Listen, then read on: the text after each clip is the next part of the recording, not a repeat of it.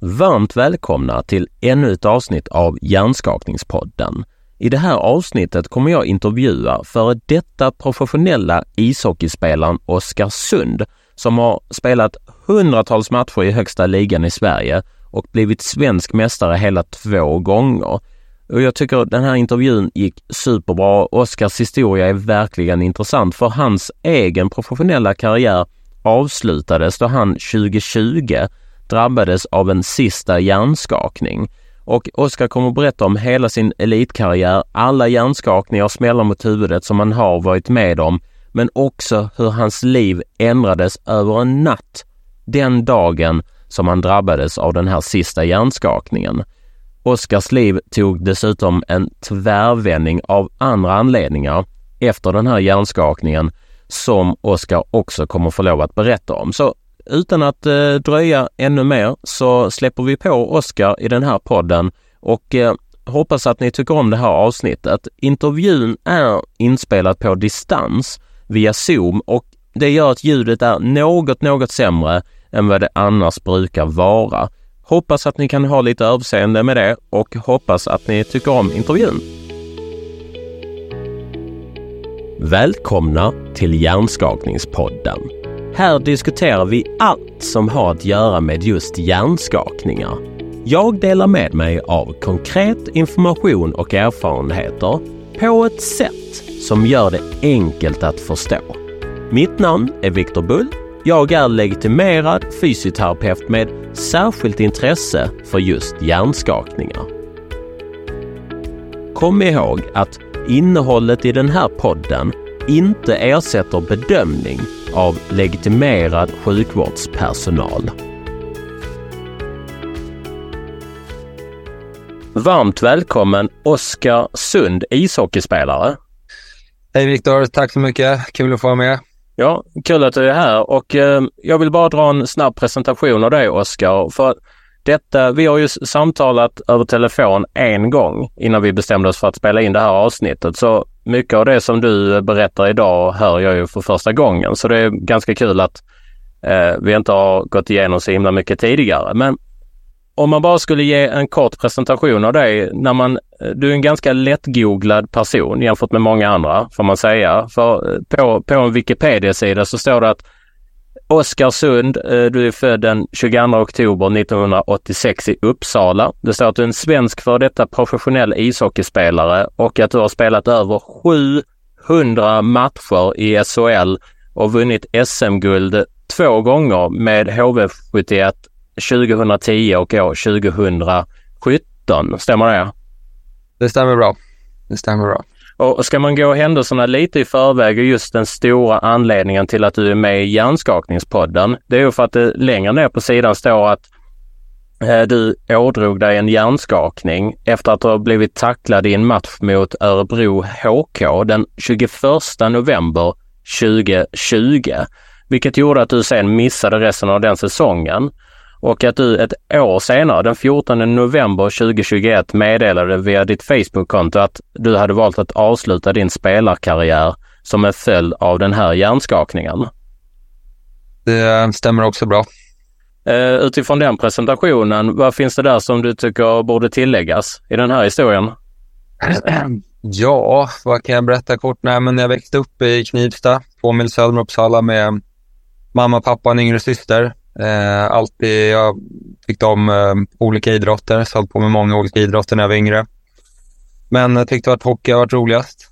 Eh, ja, sen som sagt har jag spelat ett gäng år. Eh, numera är jag bosatt i Jönköping med eh, fru och eh, en son på lite drygt tre år. Mm. För du lever ju ett eh, ganska annorlunda liv jämfört med hur du levde under hockeykarriären. Ja, Eh, verkligen. Det är, det, är, det är stor skillnad och det, ja, det har haft mycket tid att, att reflektera över de senaste tre åren, men det, det är en stor skillnad, det är det. Mm. Men om man bara tar oss igenom en sån, för att de allra flesta som håller på med idrott gör det ju säkert på en ganska basal hobbynivå. Men du har ju faktiskt varit eh, heltidsproffs under en väldigt lång tid. Hur, hur, är livet för den som inte känner till? Hur är det att leva som ishockeyproffs på heltid under så många år? Eh, nej, men eh, nu med lite distans så, så romantiserar väl jag, men, men det är såklart att det är fantastiskt att få göra det man, eh, man älskar eh, på heltid och kunna fokusera på det eh, och få betalt för det dessutom. Eh, Sen är det inte alltid en, en dans på rosor. Det är, ja, det är motgångar och, och, och dylikt som, som ska hanteras, men, eh, men på det stora hela så, så är det fantastiskt och även om eh, min karriär tog slut för tidigt, jag hade gärna spelat några år till, så försöker ändå vara, vara, vara tacksam att jag kunde spela fram tills jag var 34 och att inte det hände när jag var, var 23 i alla fall. Jag har fått uppleva otroligt mycket roliga saker och, och lärt känna väldigt eh, många fina människor och, som jag skapat minnen med. Så att eh, försöker ändå vara, vara, vara tacksam. Vad är de eh, bästa minnena som du har ifrån elitkarriären? Eh, ja, det är många, men det blir svårt att undgå eh, att jag hade förmånen att vara med två, i två lag som, som vann guld där 2010-2017. Eh, 2010 så var vi favorittippade egentligen eh, hela året och lyckades hålla pressen. Eh, och de banden som man, som man skapar med sina lagkamrater och med ledarna där och med, ja, med publiken för, för den delen också är fantastiska. Sen 2017 då var vi lite mer otippade. Det var absolut ingen som trodde på oss innan säsongen och sen blev vi bara bättre och bättre. Och, eh, då hade vi lite yngre lag och eh, så att då, den gången visste jag också allt vad det innebar. Allt kul som kom med att få, få vinna ett guld i en sån hockeytokig stad som Jönköping. Så att eh, eh det var lite så annat mindset eh, innan, om man säger innan den avgörande finalen 2017 jämfört med 2010. Så att, eh, ja, jag kan tänka mig, och när man eh, läser kring dig att du ska ha spelat, inte bara tagit två SM-guld som senior, utan att du har spelat 700 matcher. En sån, en sån siffra får väldigt många svårt att ta in. Att man ens har suttit och kollat på 700 matcher på TV verkar helt sjukt, men du har faktiskt spelat dem. Alltså, hur, hur ser, hur ser ett vanligt, en vanlig vardag ut när man är i den situationen, när man spelar så mycket matcher?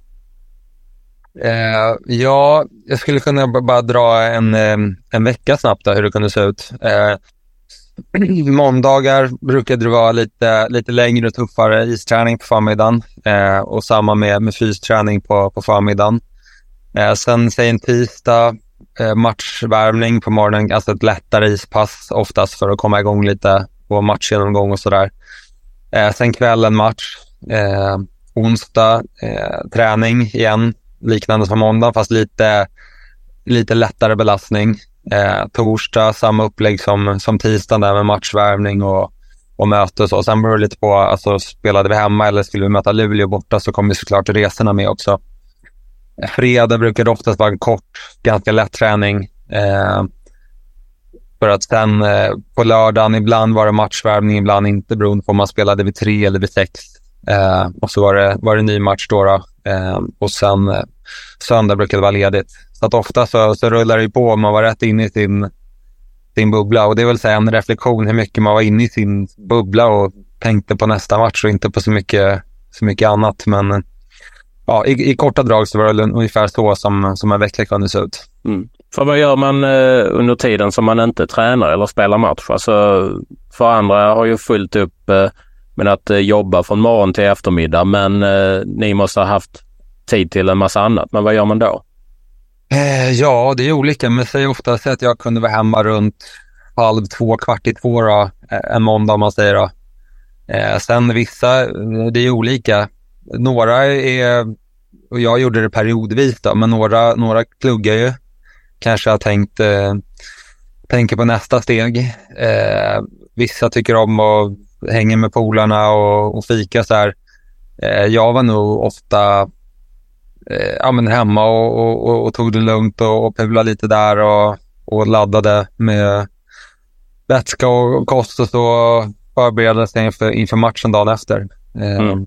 Och matchdagen där så, ja, de var väl hemma, då käkade vi lunch tillsammans efter morgonvärmning eh, där och matchmöte. Eh, sen hade man ju några timmar på eftermiddagen innan det var samling igen. Då brukade jag tyckte om att försöka sova en stund och ja, sen förbereda sig. Så att, eh, det, det, så var det för mig, men eh, ja.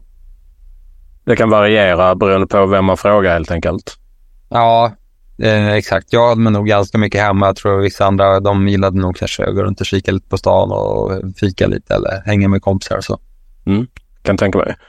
Hur var det livet att vara känd på det sättet i ett svenskt lag och samtidigt vistas i samma stad? Hur påverkade det dig när du var ute och du gick förbi folk? Nej, men eh, ja, i Jönköping då, om jag tänker i HV71 där jag spelade större delen av min karriär. Eh, det är ett väldigt stort hockeyintresse.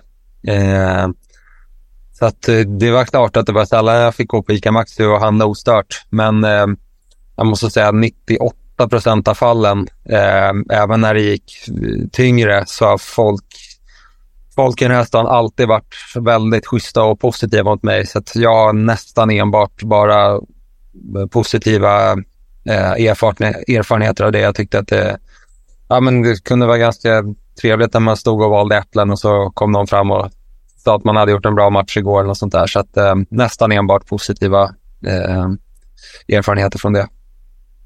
Sen under din eh, ishockeykarriär, vi kommer ju prata väldigt mycket om den sista smällen, den som eh, jag nämnde tidigare i introduktionen och eh, ditt val att avsluta elitkarriären. Men från det att du började spela hockey och fram till innan den här sista smällen, hur såg det ut i ditt fall när det gäller eh, hjärnskakningar, smällar mot huvudet, eh, hela din upplevelse av det under alla de åren?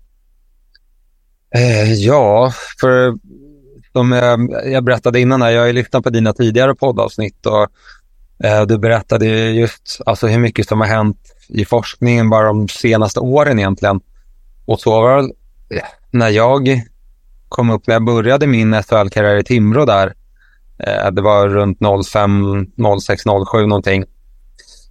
Ja, jag vet inte om jag visste vad en hjärnskakning var eller att det fanns. Jag, jag har något så här vagt minne av att det kom in någon periodpaus och eh, någon sa, ja men eh, Anton han ligger inne han ligger inne och, han fick en smäll i huvudet där första perioden, han ligger inne och sover i, i läkarrummet. Så det var så här, ja okej, okay, så konstigt, men kommer att spela nästa period? Alltså det var typ på, på mm. den nivån. Då. Eh, sen 2009 eh, när jag spelade HV, då fick jag min första hjärnskakning. Eh, och då, eh, ja, jag har ju sett att du har pratat och skrivit lite om, om järntrappan, då, men det var ju den man följde och följer. Eh, som man säger, de stegen där, så gick de som de skulle. Jag hade liksom inga större problem eh, efter den egentligen. Jag hade liten minneslucka. Sen dagen efter mådde jag ändå helt okej. Okay. Så de här stegen som vi skulle följa, de, de funkade ändå bra och sen så spelade jag match sex dagar senare tror jag. Eh, sen om vi spolar fram lite till 2012. Eh, då spelade vi med HV en match uppe i Luleå. Eh, då var det en olycklig situation där eh, jag och en motspelare liksom fastnade lite varandra på något sätt. Så att jag tror ju att jag, jag slog först i huvudet i, i plexit, plexiglaset. Eh, och jag tror att jag är borta där, för sen liksom råkar han dra med mina ben och det blir som en, som man säger, en katapultsmäll för mitt huvud ner i isen. Om man tittar på min vänsterarm i den situationen så tar jag liksom inte, jag försöker inte ta emot med någonting. Så jag, min gissning är att jag var borta då. Men i så fall blev det ju som en dubbelsmäll där och eh, det var ju ganska, ja, den blev ganska uppmärksammad för att jag fick ju något krampanfall på isen, jag tuggade fradga, eh, jag var medvetslös i 32 minuter. Eh, och från, tydligen så vaknade jag i ambulansen och, och kräktes där efter en, en dryg halvtimme. Eh, och sen efter det så har jag en minneslucka på ungefär tre timmar.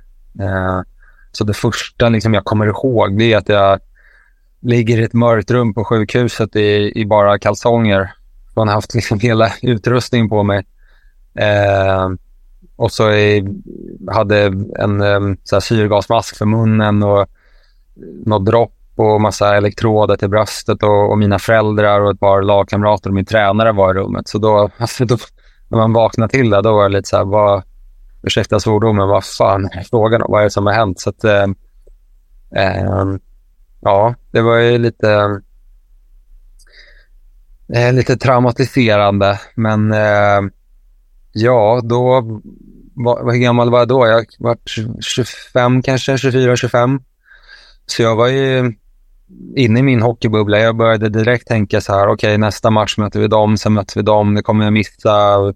Jag tänkte så här, jag sa det i någon intervju att jag var otroligt tacksam över jobbet som ambulanspersonalen gjorde med mig. Men jag kommer ihåg att jag tänkte så här, jag hoppas de inte var tvungna att klippa sönder mitt axelskydd. Och, eh, så att det var, ja, det var ett, liksom jag ville försöka komma tillbaka så snabbt som möjligt. Eh, så att, ja. Eh, med tanke på den historien du berättar och hur man gissar att många andra inom situation normala människor, alltså inte ishockeyspelare, hade reagerat. De hade förmodligen bara varit tacksamma över att de var vid liv, men du ligger och tänker på när du ska iväg till nästa match. Hur, hur reflekterar du över det mindsetet nu när du har fått lite distans till det? Eh, ja, nej, men det är inte helt sunt. Jag kommer ihåg min, min mamma berättade ju att hon stod ju och eh, ja, strykte, hade tvättat, stod och strykte framför tvn. Eh, och så fick hon se den där smällen och, och, och, och mig för de där krampanfallen. Eh, så hon trodde att jag dog där. Eh, så det var ju såklart eh, jobbigt eh, för, för henne såklart, men det var jobbigt att, att höra också. Eh, och jag har väl sett den här matchen avbröts ju efter. Det har ju knappt hänt att en match har blivit avbruten, men liksom hur kommentatorerna eh, pratade där, liksom det viktiga att vi måste berätta, vi ska berätta, vi måste berätta och ja, annat folk som har hört av sig i efterhand så. så att, eh, eh ja, det är väl ja, när man är ung och, och, och på gott och ont i den där bubblan. Men eh, vi, vi bröt ju ner, eh, om man säger den här järntrappan då, i mindre steg på varje steg. då. Eh, och det blev några bakslag på vägen, men det tog väl el, nästan tre månader, elva veckor tror jag. Så spelade jag match igen sen. Eh, men jag tror med facit i hand och med de erfarenheter jag, jag tyvärr sitter på nu så, så var det nog lite för tidigt. För jag, jag, jag kommer ihåg att jag tänkte för mig själv i början så här, men jag, jag ska inte jäkta tillbaka, jag ska, ta det, jag ska ta det lugnt, jag ska lyssna på huvudet. Och det är ju ganska lätt i början när man har huvudvärk och är trött och liksom första dygnen sover 15 till 17 timmar per dygn. Eh, så då är det inte så svårt. Men sen i, i takt med att det blir bättre och i slutet, då är det ju svårare tycker jag. Oh, har jag lite ont i huvudet nu eller har jag inte det? Och hur mår jag egentligen? Och jag skulle vilja spela den matchen. Ja, si och så. Så att, eh, ja, det blev ett, en lång utläggning där, men det, ja, det var väl lite så tankarna går kring det. Mm, kan tänka mig. Men om man spelar tillbaka till då när du, du vaknar upp på sjukhuset och ligger i det här mörkret med bara kalsonger på och allt mm. det här har hänt innan. Eh, man konstaterade att det var en hjärnskakning du hade drabbats av. Jag antar att man ville utesluta andra typer av skador med tanke på att du hade blivit medvetslös och att det såg så allvarligt ut. Hur, hur gick hela eh, processen till på sjukhuset och eh, timmarna, dagarna som kom?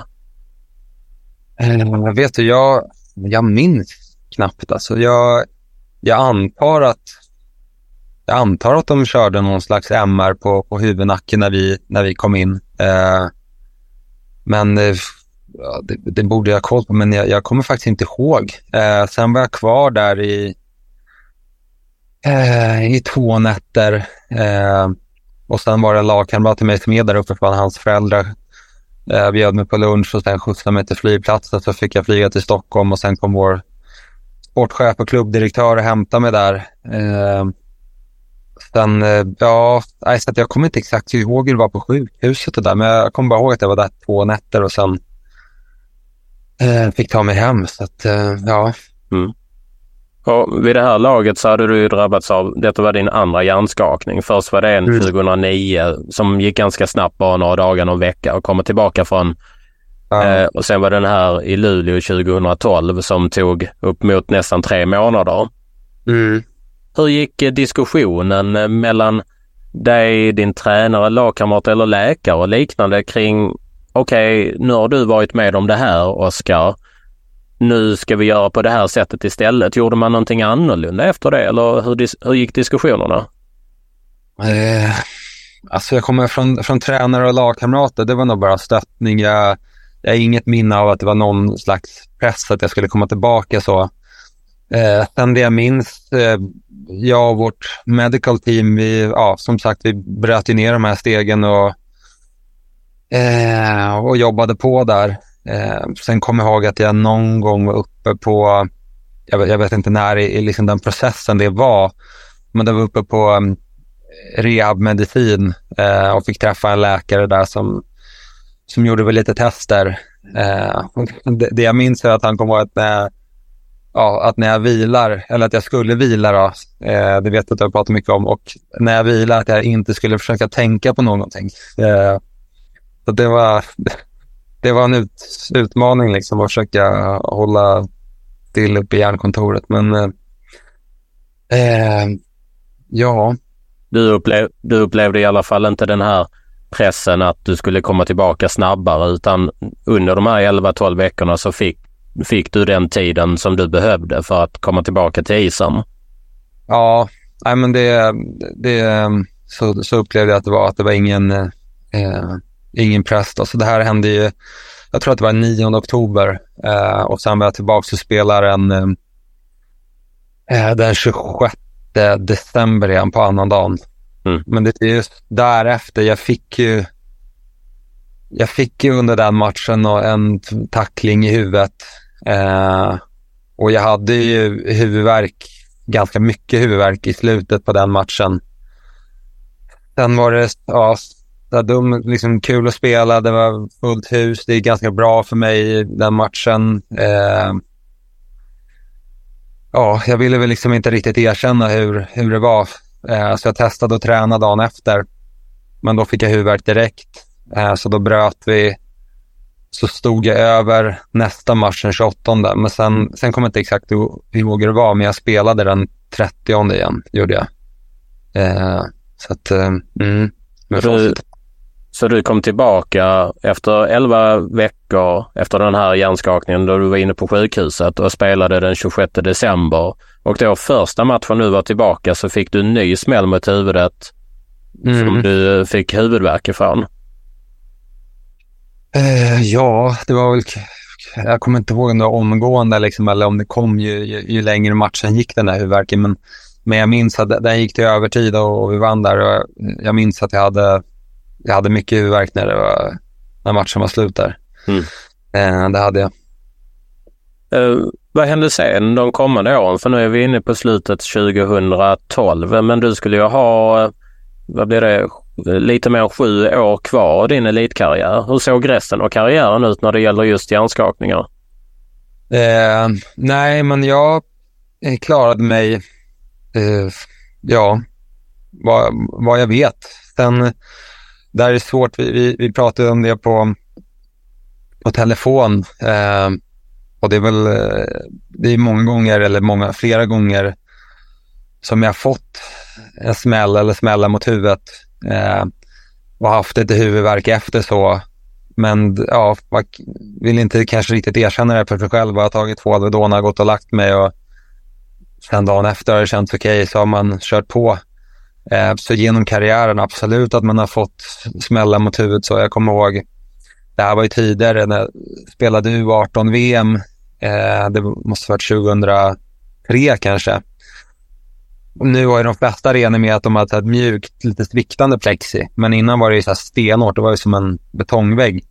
Då kommer jag att jag liksom fick en tackling så jag slungade in huvudet i sargen. Alltså jag fortsatte jaga pucken så, men jag kommer ihåg, då såg jag alltid bara grönt och rött allt blev bara, bara grönt och rött. Eh, så det har varit lite sådana eh, konstiga smällar på isen. Eh, sen så 2017 så åkte jag på en, en virusbaserad hjärnhinneinflammation också. Eh, och det var, det var ingen höjdare. Hur gick det till? Eller hur, eh, vad, vad hände efter det? Eh, nej, men det, det jag, eller rättare sagt min fru, har läst det till, för jag var nyfiken på hur, hur det här har gått till. Min mamma bjöd mig och min syster på en safariresa till Tanzania. Eh, så en kväll där så kände jag så här, ah, jag, jag mår inte bra. Så, Som att man blir eh, magsjuk. Eh, och det blev jag. jag. Det kom ju upp ur all, alla ändar och jag fick eh, andningssvårigheter och, och så. Eh, så det var lite otäckt. Men sen nästa dag, då mådde jag helt okej. Okay. Eh, fick behålla maten.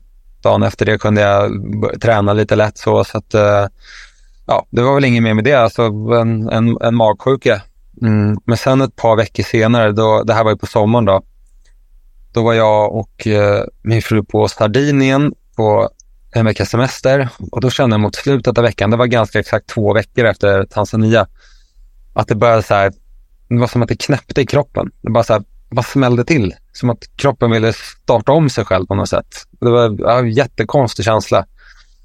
Och sen dagen efter skulle vi åka hem. Jag märkte redan på morgonen att jag skulle duscha och, och du vet, schamponera in håret och man, man ruskar om huvudet lite och jag bara woof, blev väldigt yr när jag rörde på huvudet så. Eh, och sen eskalerade jag. kommer ihåg att jag stod i hotellobbyn medan eh, Matilda och min fru skulle checka ut och helt plötsligt, alltså det, det började snurra som den värsta fyllan man någonsin haft. Alltså jag liksom stod som ett kors där och bara försökte hålla mig från att ramla. Och på vägen ut till flygplatsen fick vi stanna. Jag var tvungen att, att kräkas och så här. Och sen var det en månad eh, där man inte eh, mådde bra. Det var, eh, det var ingen höjdare. Hur påverkar det eh, hockeysäsongen eller det året? Nej, men det var, det var ju surt. Jag, då hade vi lagt egentligen hela sommarträningen. Det här var ju eh, ett par, tre månader sommarträning som man ska ha som, som grund med sig in i säsongen. Och sen hela juli, alltså jag, jag var liggande det mesta. Så jag, jag kunde inte göra mycket. Det var någon gång jag skulle gå upp och, och vika lite tvätt och så här. Jag blev så illamående i typ åtta timmar efter. Eh, mm. jag sov, alltså hur mycket sov jag? sov typ 12 timmar på natten och så tog jag nap på eftermiddagen på tre timmar. Eh, så att, så att jag, ja, hur mycket gick jag ner? Jag tror jag gick ner sju kilo den månaden. Eh, och tappade således mycket det som jag hade byggt upp så. Så att jag, ja, jag gick in i, den säsongen med, med ett litet handikapp och där, det var väl återigen, det var ju nästan i slutet av juli där som från en dag till en annan att det började nästan, känd, nästan kändes helt bra, men nu började det kännas mycket bättre. Jag kunde upp och gå ut och gå lite så. Men på den tiden, då, jag brukade skriva på, på papper vid frukosten en liten att göra-lista jag skulle hinna med under dagen. Eh, och jag kommer ihåg att min, alltså min hand den var, så, den var så darrig så jag knappt kunde skriva. Eh, jag vet inte liksom vad det berodde på så, men oh, det, det, jag tänker kanske ändå att det var något tecken på att jag inte borde dra igång med eh, med, med, med, träning så pass snabbt och, och hårt så. Men, men det är väl just det, man, man, jag var i bubblan och vill vidare och vill inte riktigt erkänna för sig själv hur man mådde och ja, lite så. Mm. Och vi får ju tillägga här att eh, för, för de lyssnarna som kanske har zonat ut eh, för tio minuter sedan och nu är tillbaka, att allt det som Oskar nu berättar om, det var ju inte efter en hjärnskakning. Utan eh, detta var ju efter, du hade först varit på Tans i Tanzania Ja, exakt. Just det. Och det jag skulle säga var att då, min fru hade ju googlat fram det att ofta kan det vara så när man får en virusbaserad hjärnhinneinflammation att man får någon form av utbrott och sen är det bra och sen så ett par veckor senare så då slår det till. Så det, det är väl den gissningen som jag och vi har, har dragit av det hela. Mm. Jag tänker att för er som lyssnar och kanske är läkare eller liknande och önskar att Oskar ska vara med i en medicinpodd så kan han berätta även den historien där. Fantastiskt, för, för det är ganska mycket du berättar som är likt de symptomen som man kan uppleva efter just en hjärnskakning. Men om man sen spolar fram eh, bandet här. Det, ut, utifrån vad du har berättat så kan man ju konstatera vissa tillfällen då det är ganska solklara hjärnskakningar som du har drabbats av. Mm. Men sen nämner du också att du har fått många smällar, du, du har fått huvudvärk men att man skakar av sig det. Man kanske har huvudvärk dagen efter men sen går det ganska snabbt över. Mm. Och därför kanske antalet hjärnskakningar är svåra att räkna ihop. Mm. Men om du hade dragit på dig en gissning, eh, vad tror du antalet hjärnskakningar är som du har drabbats av? Ja, det, jag jag har ju, jag har ju tre dokumenterade då. Eh, sen, eh, jag törs inte gissa, alltså just med de här smällarna man har fått. Jag har för dålig eh, kunskap alltså för att... att ja, det är svårt, men, men det är väl...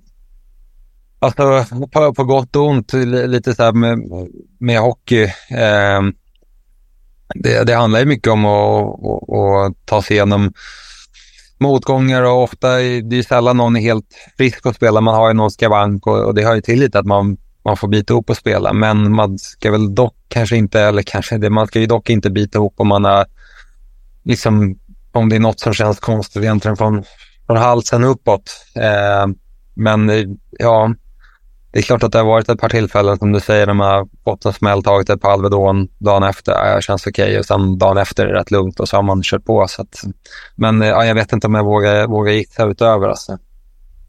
Även om man nu inte kan säga exakt antal hjärnskakningar du har drabbats av så fick du ju faktiskt en sista, en väldigt avgörande smäll mot huvudet år 2020. Om du bara hade tagit oss igenom, vad var det som hände den dagen i detalj? Eh, ja, vi hade varit ute på lite roadtrip. Vi mötte Frölunda borta och sen så hade vi åkt till Örebro. Eh, jag och min fru, vi hade ja, två och en halv månad tidigare fått eh, vårt, eh, vår son. Då. Ehm, och det var härligt, men han, eh, han tyckte inte om att sova. Så att han, eh, utan att överdriva, så han vaknade 30 gånger per natt alltså. Eh, vi hade väldigt eh, kämpiga nätter. Eh, hade vi. Så att eh, eh lagledaren i Oskarshamn, han var schysst och när vi var borta gav mig, gav mig singelrum så att jag kunde få sova ordentligt. Inte hade någon snarkande lagkamrat bredvid mig. Så att, eh, nej, jag sov väl ut där på morgonen, eller jag vaknade tidigt förresten, var uppe och käkade frukost och sen eh, facetimade lite med familjen. Sen hade vi ehm, ja, som en, som en vanlig matchdag som jag berättade om innan där. Mot, eh, värmning, matchmöte, eh, lite vila på eftermiddagen och, eh, och sen så var det match då. Eh, sen i, i tredje perioden så eh, får jag en tackling från min vänstra sida i, eh, ja, i huvudet. Då. Eh, blir medvetslös igen. Eh, inte så länge, jag vet inte exakt. Jag har väl hört att det var mellan 30 och 90 sekunder. Eh, sen har jag minneslucka efter ja, diffus hur länge den pågick. Men jag, jag kommer ihåg vissa fragment. Så här, men, eh, jag kommer ihåg att de frågade om jag visste vad det stod på matchen. Det visste jag inte. Och vilken dag det var och sånt där svarade jag fel på. Så att, eh, och sen så ja, åkte vi in till sjukhuset efter det.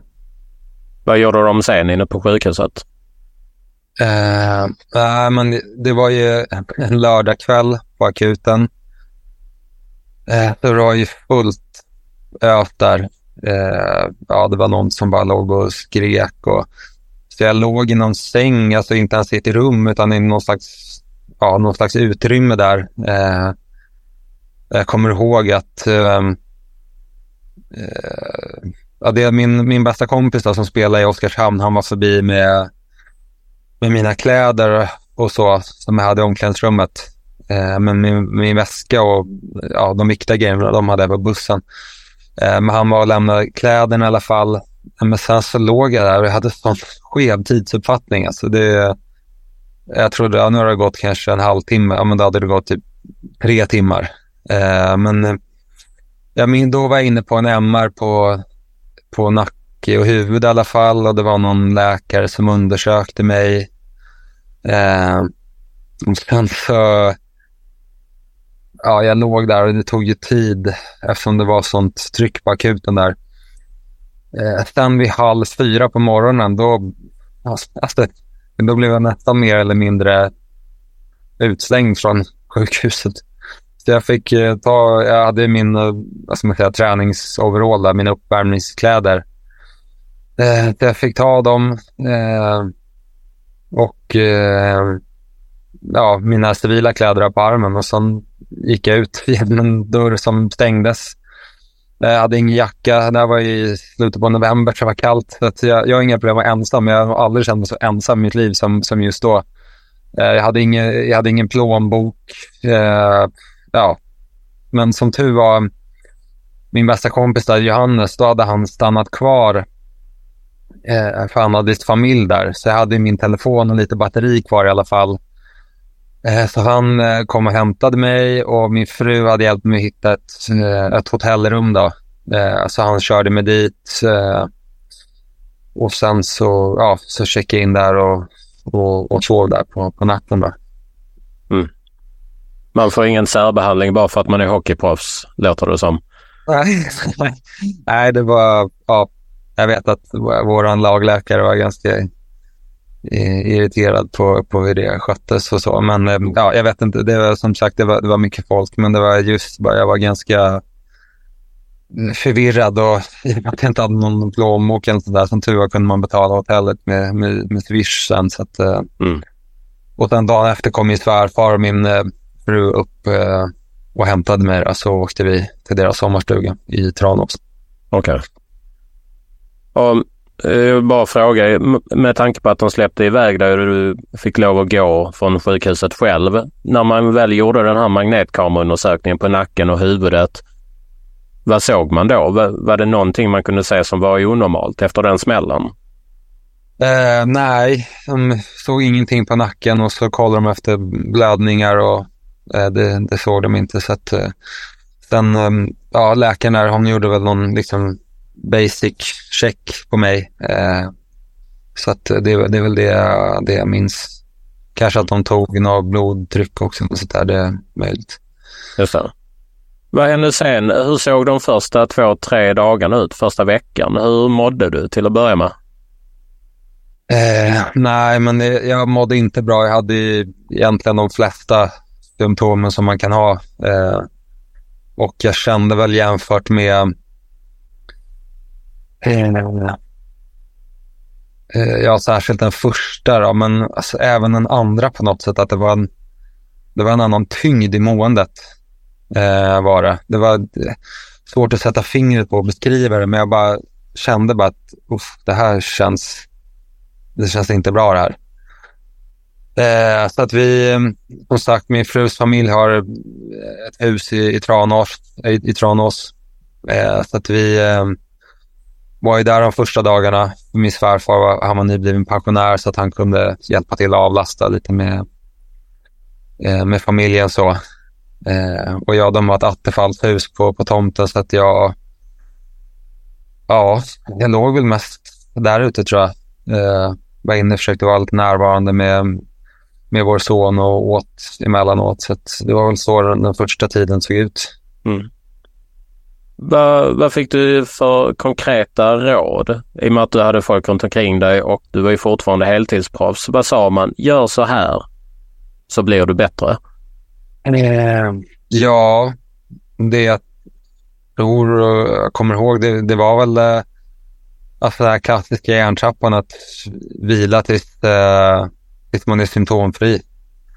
Eh, så att det var väl det jag jag försökte följa, eh, ja, ligga, ligga där ute i Attefallshuset och, och vila. Mm. Eh, det är väl så jag minns den, den, första tiden. Hur länge fick du göra det? Eh, ja du, ja, vi var ju tillbaka i Oskarshamn.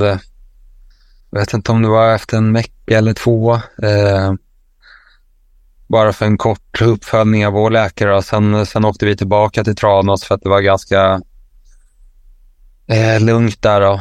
Eh, och vi kunde få lite avlastning. Eh, ja, sen nej, det, det är mycket, den där tiden, det är mycket som en sörja. Så, men jag, ja, jag för mig att jag bara låg ute i Attefallshuset och i alla fall eh, samtidigt som vår son sov på dagarna då, och sen försökte jag väl komma in och, och avlasta när, när han var vaken. Så, så att, eh, ja, det var, det var inte så dagarna såg ut. Och eh, man kan ju tänka sig här att det kan ha känts väldigt hopplöst att det inte var så mycket för dig att göra. Samtidigt eh, som du berättade på telefon att du hade fått en son väldigt nyligen, nybliven pappa. Mm. Men googlar man på ditt namn och din historik så kommer det upp väldigt mycket annat också som skedde i ditt liv under den perioden. Eh, skulle du vilja berätta lite mer om det? Ja, det var väl eh, lite där eh, tiden efter. Eh, så till slut, i och med att han sov så lite, så att då vi, liksom, jag kunde inte begära liksom att Matilda skulle ta de eh, helvetenätterna om man får säga så. Så vi, försökte, vi fick dela upp lite där och så. Så det blev väl liksom mer och mer involverad när tiden gick och sen fick min fru någon slags inflammation i händerna som hade svårt att bära honom. Eh, att, um, ja, så, så då blev det att vi, vi delade lite mer på det eh, med hjälp av min svärfar. Då. Sen började Matilda, min, eh, min fru, jag säger Matilda i fortsättningen, det, eh, hon började känna någon slags eh, knöl i magen. Men eh, hon fick liksom putta det ut åt sidan i och med att eh, eh, Nikolaj krävde sin uppmärksamhet och, och jag mådde som jag mådde. Eh, men sen den kände, det kändes för större och större så hon gick och kollade på det här och så blev hon skickad vidare. Eh, då visade det sig att hon hade en cysta i magen som var, ja, den var typ lika stor som en brallimpa. Men läkarna verkar väl inte så oroliga över det där. Och, eh, men sen skulle hon operera bort den i alla fall. Och, eh, tyvärr hade den, när de skulle operera bort den så hade den, den sprack så det här innehållet i cystan rann ut eh, i buken. Men de var väl fortfarande inte särskilt oroade över det. Eh, sen tyvärr så dröjde det längre tid än vad det skulle enligt sjukhusets rutin innan de öppnade ehm, hennes svar.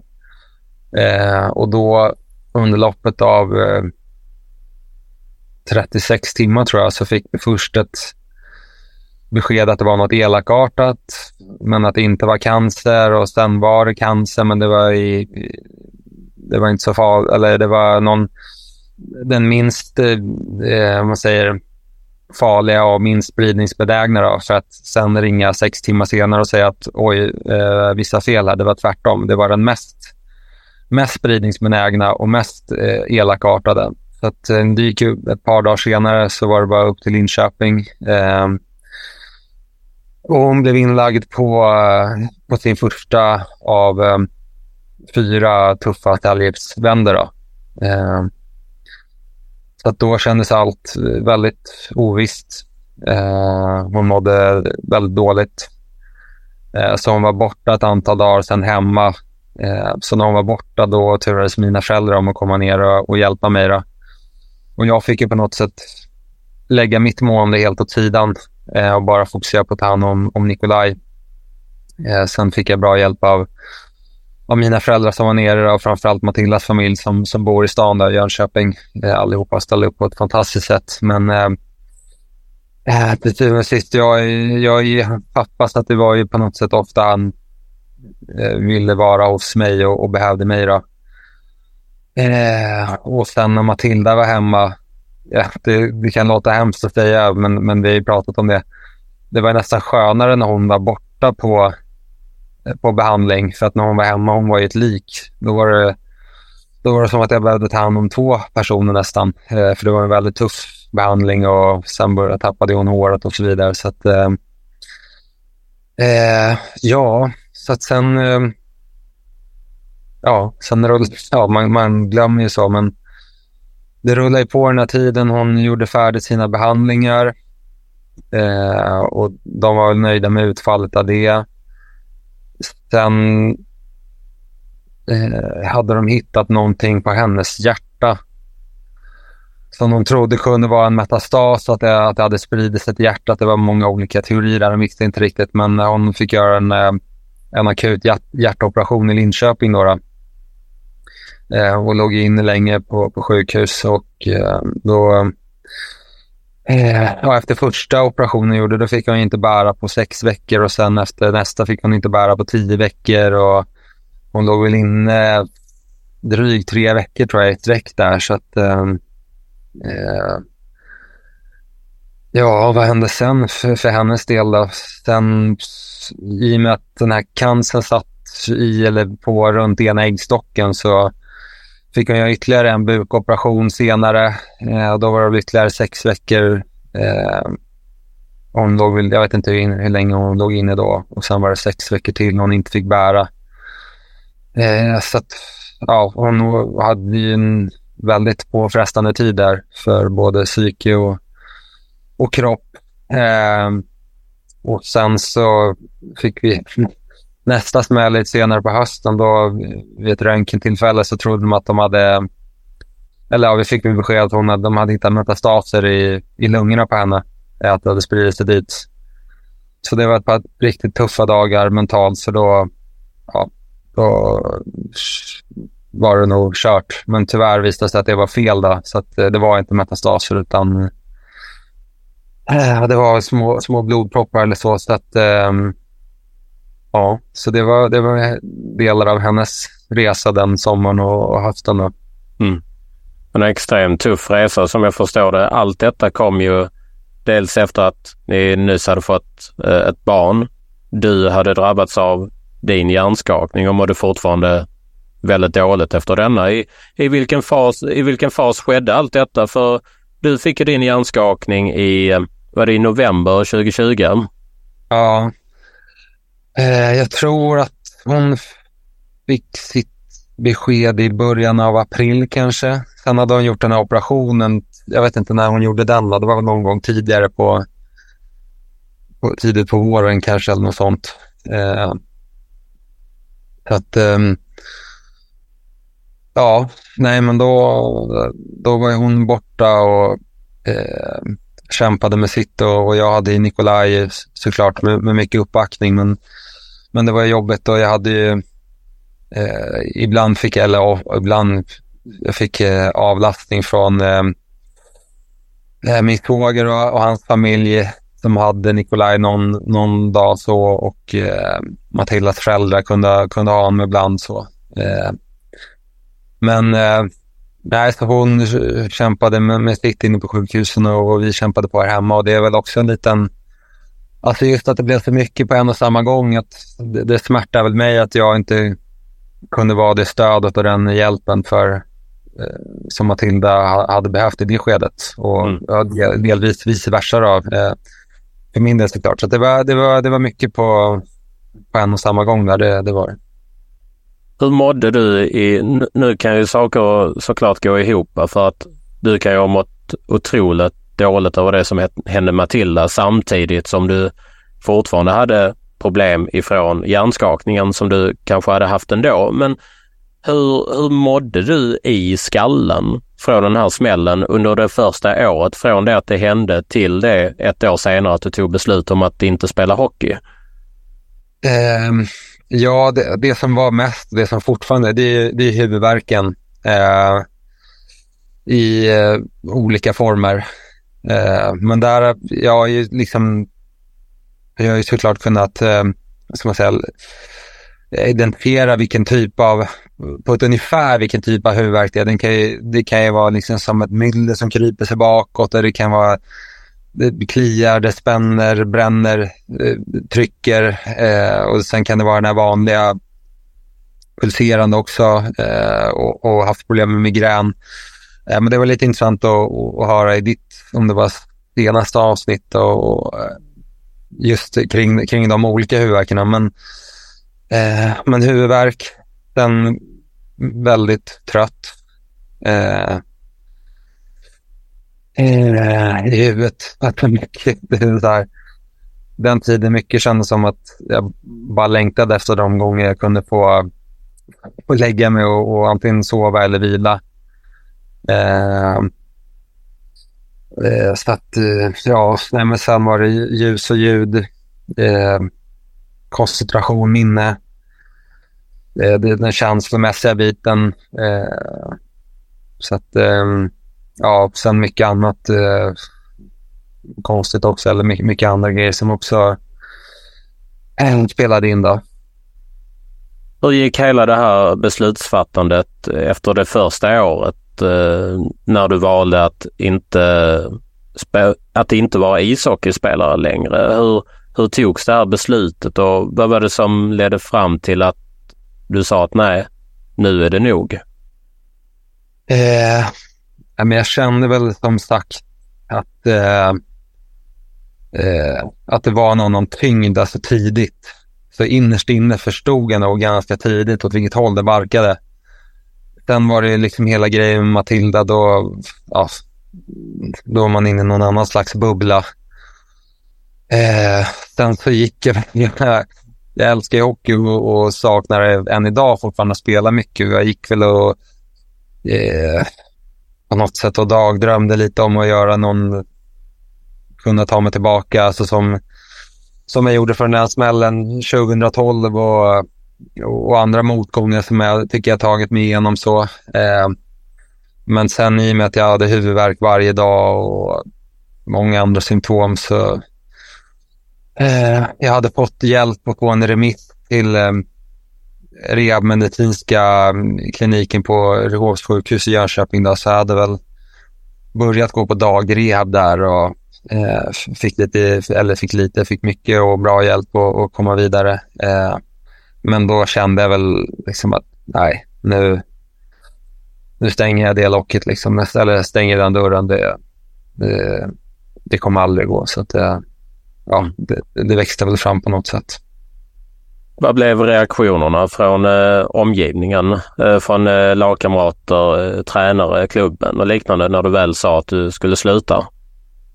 Nej, men eh, jag tycker eh, otroligt mycket Eh, alltså värme och, och kärlek och fått jättemånga liksom, fina samtal och, och meddelanden och, och vitsord så, så att eh, det var ju eh, alltså lugnt på ett sätt, men såklart ändå fint att få den eh, eh, uppskattningen. Eh, så att eh, ja, det, det, det var tudelat, men, men ja, väldigt mycket fina, eh, fina reaktioner fick jag. Mm. Att det blev en bra övergång trots allt från den sidan? Ja, det absolut, det, det, det får man säga. Eh, så var det absolut. Från eh, alla de som du pratade med, eh, antingen vårdgivare eller vad du fick läst dig själv till under den perioden. Vad, hur såg råden ut? För du kunde inte bara ligga i en säng och vila trots allt hela tiden. Men vad var rekommendationerna? Vad fick du veta att gör nu så här istället för att du successivt ska börja må bättre? Eh, ja, alltså man började den säsongen som, eh, när jag fick det, det var ju, jag hade ett ettårskontrakt då, så det gick ju ut där sista april. Eh, sen fick jag bra läkare, eller bra hjälp från Oskarshamn där med, alltså med, med sjukskrivning och så. Men sen i och med att vi valde att bo i Tranås där så eh, hade jag ju inte så mycket alltså kontakt eller, eller hjälp, måste jag säga. Eh, men, men det var ju lite, alltså jag känner ju HVs läkare och medical team bra, så de eh, erbjöd sig och hjälpte ju till. Alltså, dels med den här remissen och sen eh, med min agent. Jag var uppe några gånger till en kille i Stockholm som jobbade lite med nacken och ögon. Eh, sen det som ändå började, ändå började liksom ta mig lite framåt, det var ju på, på dagreben där, ett, ett inslag varje dag. Det var ju att eh, alltså det lite fysisk aktivitet, lite träning i i gymmet där. Eh, jag kommer ihåg mitt, man fick, jag fick ett sånt här veckoschema. Jag kommer ihåg min första dag där så hade jag med träningskläder. Jag gick in i ett gym, jag hade en tid att passa. Jag kände något som jag inte hade känt på väldigt länge då. Det var alltså bara så här lycko... Alltså jag kände att jag uppskattade det så otroligt mycket att, eh, att bara få, få göra det. Så, att, så den, den biten och, och komma igång lite med fysisk aktivitet eh, var viktig. Och det, jag hade liksom inte riktigt haft möjligheter innan i och med Matildas situation, att hon var borta så mycket. Och, så det, det var väl mer bara kortare promenader när jag skulle försöka söva Nikolaj i, i vagnen. Då. Eh, så, att, så det, var, det var bra för mig både fysiskt och mentalt att, eh, att komma igång lite där. Eh, sen blev det några bakslag och Eh, men vi försökte vara lite, ja, lägga lite pussel. Okej, okay, nu var jag så här idag, vad kan det bero på och så. Eh, och sen en annan grej som jag tog med mig också, det var väl något, jag fick börja jobba efter något som heter CES-skalan. Man tänker en skala från 1 till 5, att det ser ut som ett trafikljus. Trean är grön, där vill man ligga.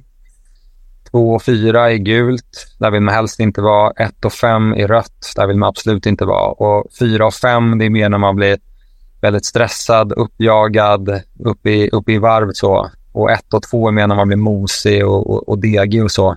Eh, och för mig funkade det när jag var ner på, på ett och två där att eh, komma ut frisk luft, göra någonting fysiskt. Eh, och fyra, fem, ja då behövde jag nog mer ta ett break och, och, och, och vila och tagga ner en stund. Så att, eh, det upplevde jag ändå ett, ett bra verktyg för mig. Du fick det att det var en bra riktlinje för att du skulle hitta en lagom balans, balansera vardagen. Ja, men exakt så, så skulle jag se på det. Mm. Eh, hur, nu när du väl har levt, eh, det blir ju cirka tre och ett halvt eh, snart år sedan du avslutade, eller sedan du fick den här hjärnskakningen. Mm. Eh, och eh, snart två och ett halvt år från det att du avslutade karriären helt och hållet. Hur ser ditt liv ut i dagsläget? Hur lever man som före detta eh, tvåfaldig svensk mästare i ishockey och spelat över 700 matcher i högsta svenska ligan? Nej, men, eh, ja, absolut en, eh, en dräglig vardag. Eh, jag jobbar just jag började efter många om och men lite med Försäkringskassan så här, men började jobba 25 procent på kontoret på HV71 min, min titel är assisterande sportchef, men den är väl kanske lite, lite missvisande så. Men eh, hjälper till lite med, med administrativa saker och så. Eh, och sen även en hel del med, med juniorerna, unga spelare. Kanske det som jag tycker är roligast och brinner för. Eh, så att eh, ja, jag tycker väl att jag kan i, i dagsläget då med, med den arbetsbördan och Eh, ändå må, må helt okej. Okay. Jag försöker balansera det med, med träning som jag känner att i de allra flesta fall jag mår väldigt bra av när jag tränar och efter. Eh, och sen så kombinera med, med familjelivet. Eh, Matilda mår bättre. Hon jobbar eh, 75 procent. Eh, sen är hon fortfarande spår efter allt som hon har eh, varit igenom så, men vi, ja, vi, vi kämpar på tillsammans. Eh, men eh, ja, vi försöker att, balansera vardagen med, med jobb och familjeliv och socialt liv och, och träning och, och allt vad det innebär. Så att, ja, så mm. det idag ungefär. Så du kan ju jobba i dagsläget men som jag förstår det, du har ju fortfarande men kvar. Du har ju fortfarande besvär efter den här sista hjärnskakningen. Vad är, vad är det framförallt som du känner att du lider av? De två främsta är huvudvärken. Eh, jag har fortfarande sedan smällen haft någon form av huvudvärk alla dagar utom en. Eh, och sen är det den mentala tröttheten. Eh, ja, kopplat med, med, till koncentration och minne där som Eh, som jag känner är väl det som fortfarande eh, begränsar mig. Sen har många av de här sakerna blivit mycket, mycket bättre under resans gång, men, men det är väl Sen vissa grejer är, är kvar, men i, i, mindre omfattning. Men det är väl de två sakerna som, eh, som framförallt jag dras med fortfarande. Mm. Och även om det kan vara mycket negativt i en sån händelse som du var med om, eh, så vill jag ändå fråga, vad tar du med dig från den här hjärnskakningen och den här processen efteråt som har varit positivt för dig? Vad, vad är det bästa du tar med dig av det som hände dig? Eh, ja, men det är nog kanske att jag, eller ja, definitivt, eh, som jag nämnde innan där med, med hockeybubblan och eh, när jag och, om man säger man, folk, när man är ung och ja, man bara kör på med nästa match. Jag tror att, eller tror jag, jag har definitivt blivit bättre på att alltså uppskatta små, eh, små saker om man säger så i vardagen. Jag kan, alltså någon morgon så när jag vaknar ändå kan, kan känna mig eh, ändå relativt liksom pigg och, och måendet är helt okej. Okay. Och så ser man ser man solen titta fram och lite fåglar kvittra så kan jag bara så här, ibland stanna upp någon sekund och bara, nej vad härligt alltså. Det här, eh, det, sämre kunde man ha det. Så att, eh, det tänker jag väl ändå då att eh, kanske blivit lite bättre på att uppskatta sådana grejer och, och känna mer tacksamhet. Även om ibland jag kan, pendeln kan absolut svänga åt, eh, åt andra hållet. Men, eh, men jag skulle nog säga att det är det som jag kommer på så här på rak arm. Mm, kan tänka mig.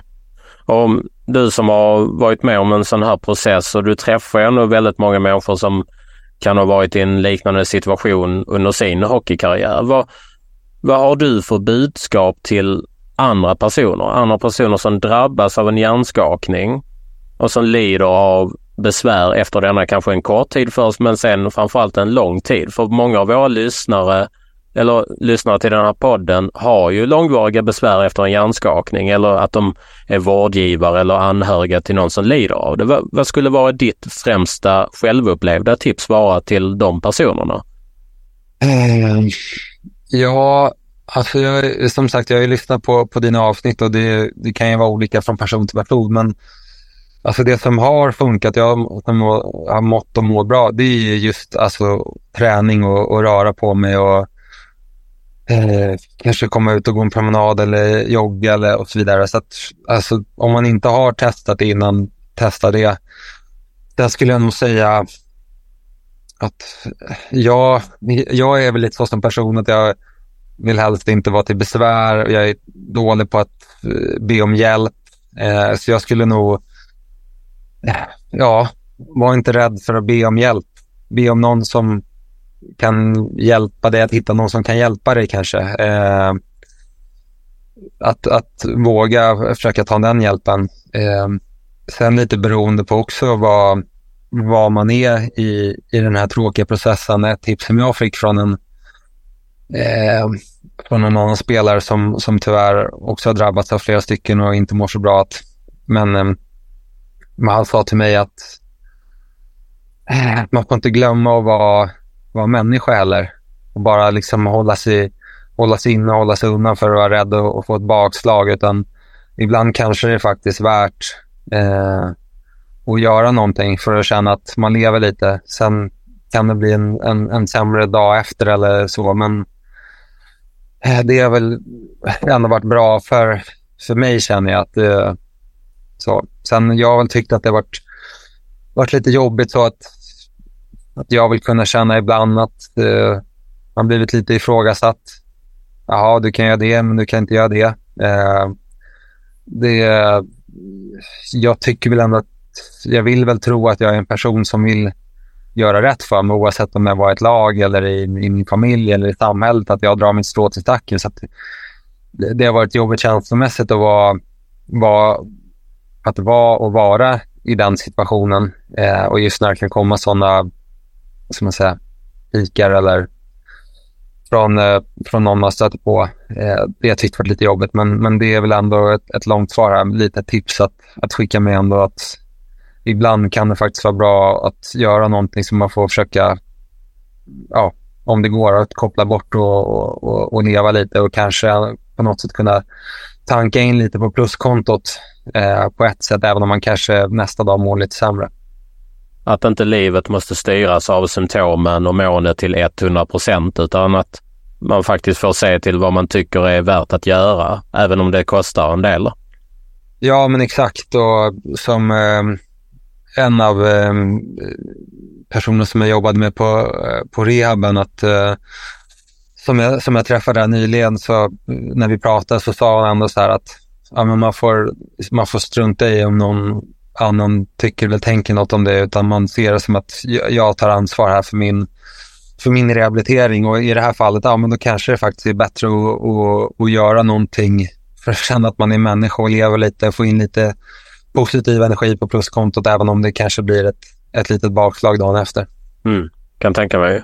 Men det var rätt intressant det du sa där med att du blir ifrågasatt eh, kring ditt mående. Att okej, okay, du, du klarar av att göra det här, men du klarar inte av att göra det här. Och det är någonting som är sjukt, sjukt vanligt bland personer som lider av långvariga besvär. Att de, de kanske kan genomföra ett visst typ av träningspass, men de klarar inte av att sitta vid en dator för att eh, då blir det andra typer av symptom. Men vilka personer, nu, bör du inte, nu ska vi inte outa någon med namn och så här, men från vilken värld är, kommer de här individerna? Är det till vardags eller är det från ishockeyn eller andra som vem är det som har ifrågasatt ditt mående på det här sättet? Nej, men det var väl alltså just i den här eh, nu ska vi se, det var ju alltså en månad innan min smäll, om man säger, då, då, köpte vi, eh, då köpte vi ett hus i Jönköping. Eh, och inflyttning var ju, ja, vi fick ju nycklarna några, ja, några dagar innan Matilda fick sitt cancerbesked. Eh, och när hon låg in och fick sina cellgifter, då, då skulle ju flytten ske. Eh, vi fick otroligt mycket hjälp från, från folk eh, runt omkring. Men eh, det blev ändå alltså att jag fick packa ihop lite lådor och, och bära ner emellanåt. Så det, bara så ett exempel, då var det någon eh, granne så här som, jaha, du, du kan klara av att, att bära de här flyttlådorna. Liksom, och då kände jag bara så här, ja, vem ska göra det? Nikolaj gör det inte. Du får gärna hugga i och ta den här du. Eh, så att, mm. Och någon så här, när jag varit på, på Maxi och handlat, så ja, du klarar av att handla liksom. Ja, det, någon måste göra det också. Så det, eh, det, ja, så, så lite, lite sånt liksom. Och det, ja, man kanske inte ska bry sig så mycket, men, men eh, jag har kanske varit dålig på att slå bort det liksom. Och, eh, ja, tagit eh, illa vid mig eh, i och med att jag, jag känner att jag, en, jag vill göra rätt för mig så att säga. Och just som du säger att, och jag, förstår att det är svårt för folk att fatta, men att, att sitta liksom i ett samtal eller framför datorn eller någonting och, och koncentrera sig med, med, med huvudet länge, det, det blir väldigt jobbigt. Men att sticka ut och, och jogga i skogen och, och bara lyssna på fåglarna, det är på något sätt ganska hjärndött. Man behöver inte tänka så mycket då, utan det, det, det är bara en, en väldigt härlig känsla, eh, för mig i alla fall. Jag tänka mig. Ja. Och om man, sen, om man hänger kvar lite vid det ämnet. Eh, mm. Om man ser till eh, kulturen inom idrotten eller inom ishockeyn. För jag själv har ju min erfarenhet ifrån eh, kampsporten. Eh, hur, hur ser spelare idag på hjärnskakningar, alltså på de här hjärnskadorna? Hur, pratar man om det som någon, att det är en baggis, det är mer ett problem som man bara kan ignorera om det går eller pratar man om det så som, det, som jag i alla fall tycker att det förtjänar? Ja, men jag, jag tycker nog det nu, att, eh, att det gör det i och med att det är tyvärr väldigt många spelare som har eh, drabbats av, eh, eh av väldigt långvariga symptom och problem. Så att jag, jag tror att det finns eh, faktiskt en, eh, en ganska stor eh, respekt för det eh, och, och förståelse så. Eh, det, det, skulle jag faktiskt säga idag. Sen tror jag säkert att det är det där, alltså jag vet en tidigare lagkamrat som var tvungen att sluta och han fick sin andra smäll, om man säger, han hade fått många innan, men han fick en andra smäll väldigt ett på en första och han ville väl liksom inte riktigt erkännas för sig själv. För man, man, man vill ju spela, man vill inte vara borta, man vill inte ha hjärnskakning och på något sätt ljuger man och lurar sig, lurar sig själv lite. Eh, så åkte han tyvärr på en, en smäll ganska tätt efter som, som blev hans sista. Så att, eh, jag skulle säga att det, det finns en, en, en, stor respekt för, för vad som kan hända. Men jag tror att många kanske också när man får någon Eh, inom citationstecken liten smäll eh, ja, ljuger för sig själv att det, nej, det är nog ingenting. Det, det är min gissning i alla fall.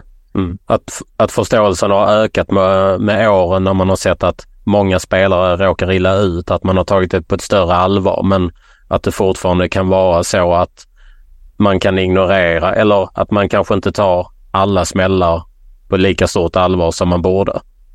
Ja, exakt. Men eh, och just som du säger, att, alltså, just att det förr i tiden, eh, så då tror jag definitivt det var mer så att, som du sa där, att äh, smäll, smäll i huvudet, äh, det, det vill bara skaka av sig. Men, eh, men det, hockeyn försöker väl också hänga med i den här utvecklingen som händer. Jag, fick, jag blev satt i kontakt med, med Djurgårdens eh, lagläkare som, som har god erfarenhet av det här. Jag kommer ihåg att han, han pratade väl lite med mig om just det här som jag hört och, och läst att du, eh, om jag har förstått det rätt, lite till viss del inne på att det är lite mer så här att det är inte den här järnvilan tills man är symptomfri, utan han pratar mer att det är lite mer så här push through it. Eh, så att det, det, ja, hockeyn försöker väl att, hänga med där eh, också. Och jag vet nu inte där i, i, eh, i SHL, men jag, nu och jag har aldrig spelat NHL, men det jag följer utifrån, så jag vet att de var sådana här alltså spotters på läktaren. Att någon sitter och kollar där och så kanske de ser, uff, den där killen, han, det ser ut som han kan ha fått en smäll. Han, det, ser inte helt, det ser inte helt bra ut det där. Då kan den här sporten från, från eh, läktaren då bestämma att den här killen, han ska, han ska in och han ska genomgå ett test under matchen, någon slags hjärnskakningsprotokoll för att se om han är okej okay eller om han inte är det. Så att, eh, jag vill väl ändå tro att liksom hela hockeyvärlden, kanske även om man hade önskat att det går snabbare, är, liksom vill följa med den här utvecklingen och, och ta allt åt rätt håll. Och det är rätt spännande den utvecklingen som du nämner, att man har concussion spotters eh, på läktaren som ska hålla koll att det införs nya saker hela tiden för att skydda de här spelarna. Och det, mm. det, är ju, mm. det är ju egentligen ett bevis på att även om ishockey de facto är en väldigt våldsam sport, det kan hända ganska svåra skador, så har man ju eh, gått väldigt lång, gjort väldigt mycket i alla fall för att det ska bli bättre. Eh, ja, eh, det tycker jag. Sen eh, kan det ju säkert liksom eh, göras ännu mer, men det känns ändå som att eh, eh bollen är på rullning och som sagt med, med NHL som jag ändå tycker om att, att följa där så har de ju i stor del fått bort en hel del av de tacklingarna som har eh, liksom de allra fulaste tacklingarna som har renderat i allvarliga skador. Eh, de är nästan borta från, från spelet där. Så att, eh, sen är det alltid en balansgång som säger, hockey det är en fysisk sport, ibland våldsam och det, det kommer ju tyvärr alltid liksom ske. Det, det, ska ju vara en fysisk sport, sen kommer det tyvärr alltid ske eh, skador. Men ja, man, man, får jobba på det. Dels utbilda spelare, både tacklare och mottagare och sen ha liksom ett bra skyddsnät runt så. Nu när vi har kommit så här långt Oskar, finns det någonting av allt det vi har pratat om som du tycker att eh, detta vill du lägga till eller detta har vi glömt att ta upp? Eh, ja, men jag, jag hade väl en, en fråga till dig egentligen då. Eh, jag tänker just på, alltså som jag sa, att, och som många andra spelare, alltså, man kan få en smäll i huvudet ibland och få lite ont. Som, det kanske inte är hjärnskakning och med min historik så blir jag lite, kanske lite nojig med, eh, med min son då, som det är full fart och klättras överallt och så här. Som, som häromdagen, då, då halkade han eh, på en isfläck och slog i bakhuvudet. Han var ledsen ganska länge, längre än man brukar vara när han, när han gör sig illa. Sen senare på kvällen så var han sitt vanliga jag. Han har inte klagat över någonting och, och var sig själv dagen efter. Så. Men eh, jag hörde i ditt poddavsnitt där du berättar liksom vad, vad som händer exakt i hjärnan med hjärnskakning. Men va, om man säger så här, kanske luddig form, vad händer, vad händer i huvudet innan när man får, inom citationstecken, bara en smäll i huvudet?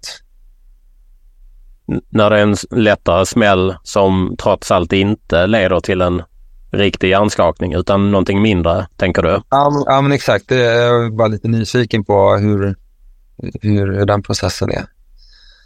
Eh, detta är en väldigt evig fråga inom forskningsvärlden som eh, man inte riktigt har kunnat besvara ännu för att på engelska så pratar man om begreppet concussion, vilket är hjärnskakning. Eh, mm. Men sen pratar man om något som kallas för subconcussion, vilket innebär smällar mot huvudet som man antar är tillräckligt hårda för att de ska skada hjärnan eller påverka hjärnan på olika sätt, men inte tillräckligt kraftiga för att man ska få en hjärnskakning. Så det är någonting mellan en nolla upp till det som kallas för en hjärnskakning. Och i dagsläget så spekuleras det väldigt mycket kring, är de här smällarna farliga? Eh, till exempel fotbollssnickningar eller tacklingar inom ishockey eller amerikansk fotboll eh, som inte leder till hjärnskakningar men att man ändå får ett eh, hundratal tacklingar under ett år mot hjälmen. Eller eh, slag inom boxning och MMA och liknande som inte ger en hjärnskakning men som ändå kan få en viss form av rotation eller en viss kraft mot huvudet. Om de här är farliga eller hur farliga de i så fall är vet man absolut inte till 100 procent i dagsläget. Eh, det är extremt svårt att eh, forska på för att eh, man måste följa ett väldigt stort antal individer över en lång tid och man måste försöka kartlägga hur många småsmällar de får och hur kraftiga de här är. Så det enda man kan säga om de här smällarna är att de inte är hjärnskakningar. Men man kan ändå inte säga exakt vad det är som sker i hjärnan när man får dem. Eh, för, för att dra det ännu längre så det är mycket forskning gjort just nu på eh, före detta spelare i NFL, i amerikansk fotboll, före detta spelare inom ishockey och liknande eh, som drabbas av olika typer av hjärnsjukdomar och där man bestämt tror att detta är kopplat till eh, upprepade smällar mot huvudet, vilket det troligtvis är. Det är bara det att man, kan, man har väldigt svårt att säga hur mycket beror på de små smällarna? Hur mycket beror på hjärnskakningarna? Är det det ena, är det det andra eller är det en kombination? Eh, personligen skulle jag säga att det är såklart alltid bättre att få färre smällar mot huvudet än att få fler. Mm. Det, det, det, tror jag ingen kommer kunna motbevisa, att det är bättre att inte få våld mot huvudet jämfört med att faktiskt få våld mot huvudet. Men med det sagt, i, i, det, i det fallet med din son, när han väl föll där, eh, var det värt det? Ja, det hoppas jag för att man kan ju inte låsa in honom och eh, wrappa in honom i eh, så här bubbelplast eller eh, i, i, i, väntan på att ingenting ska hända utan någonstans så är ju inte människohjärnan så skör att man inte kan leva ett vanligt liv. Mm. Så jag tror egentligen den typen av smällar som sker i vardagen, såklart ska man inte ignorera dem om de uppvisar symptom och man ska absolut åka in till sjukhuset om det verkar vara någonting allvarligt. Men man ska inte gå runt och vara onödigt rädd för de här smällarna för att det kommer skapa mer oro och oro och rädsla generellt än vad det ger nytta egentligen. Mm. Nu, nu var det en väldigt lång extremt lång utläggning kan jag tänka mig. Men eh, jag brukar fråga, var det svar på din fråga ens en gång? Ja, det tycker jag. Det tycker jag absolut. Mm. Vad väckte du för tankar eller eh, följdfråga från din sida? Nej, det är, det är väl bara ett lugn. Alltså, jag, jag tycker inte att jag är hönsig med honom utan han får köra på rätt bra. Men det är klart, så här, någon gång som man halkar nu, han halkat någon gång på badhus och slagit i, så ju för historik så, eh, så, så kan man bli lite nojig så. Men, eh, men eh, jag har hört, jag vet inte om det var i någon i den podden eller om jag läst något inlägg just där liksom att, med att man, alltså, där med att man inte kan gå runt och, och vara nojig och, och, och rädd för mycket. Så, så jag, jag tyckte absolut att det var ett svar på frågan. Mm, vad bra. Eh, avslutningsvis, vad finns det fler för eh, frågor eller tankar som du har efter det här samtalet? Vi har nu suttit och pratat eh, väl över en timme i alla fall. Det blev mycket längre avsnitt än vad jag trodde, men jag tyckte att det var superbra. vad har du för tankar? Eh, ja du, nej, men jag tycker väl att vi, ja, nej, men vi har fått mer det mesta. Sen skulle man ju det, jag vet inte hur du känner med, med din bakgrund med de smällar du har fått. Man skulle kunna sitta och, eh, och, och, prata länge liksom och, och, och stöta och blöta och jämföra så. Men eh, vi, vi kanske får köra en del två någon gång i framtiden. Då. Jag tycker det. Jag tycker att vi kan köra en uppföljning eh, om ett eller två år kanske och se hur det har gått för dig. Men eh, jag tycker att vi håller kontakten och så här om andra som lyssnar på det här avsnittet vill komma i kontakt med dig Eh, nu får du säga till om du vill, inte alls vill bli kontaktad, men jag kan tänka mig att folk har lite frågor och är intresserade. Om du vill bli kontaktad, hur kommer man i kontakt med dig då? Eh, det bästa brukar nog vara på, på Messenger, där, Messenger eh, via Facebook. Eh, men jag fick något eh, smeknamn där att jag var lik den här eh, figuren på Kalles Kaviar-tuben. Mm. Mm-hmm. Så det är ett smeknamn som jag fått med lite. Så var det någon som gjorde en Sen så jag slog ut, eh, jag har slagit ut massa tänder också så att, eh, vid andra tillfällen. Men en puck rensar ju över käken på mig. Så att när jag spelade så hade jag min protes ute då, så jag har en ganska stor glugg. Så att, eh, då gjorde någon en, en bild och målade Kalle Kaviargubben med, med ett stort leende med en stor glugg där framme. Då. Så att, eh, det, på, det, på det kontot kan man skriva på, på Messenger och eh, det kan ta det kan ta lite tid, men jag brukar eh, försöka svara, svara där.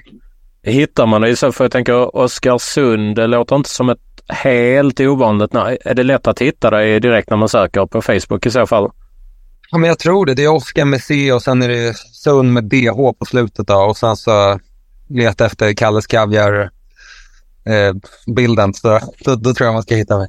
Bra riktmärke. Men eh, superstort tack verkligen Oskar för att du delar med dig av din historik och dina råd och allting som du har varit med om och starkt jobbat verkligen. Och stort tack för att du ville vara med i Hjärnskakningspodden. Ja men tack själv. Tack för att jag fick vara med. Eh, tack för en eh, eh intressant podd. Även om jag har mycket erf egna erfarenheter så eh, både att lyssna på podden har varit skönt och lärorikt för mig samt eh, följa eh, inläggen på, på sociala medier. Så att, eh, tack själv Viktor.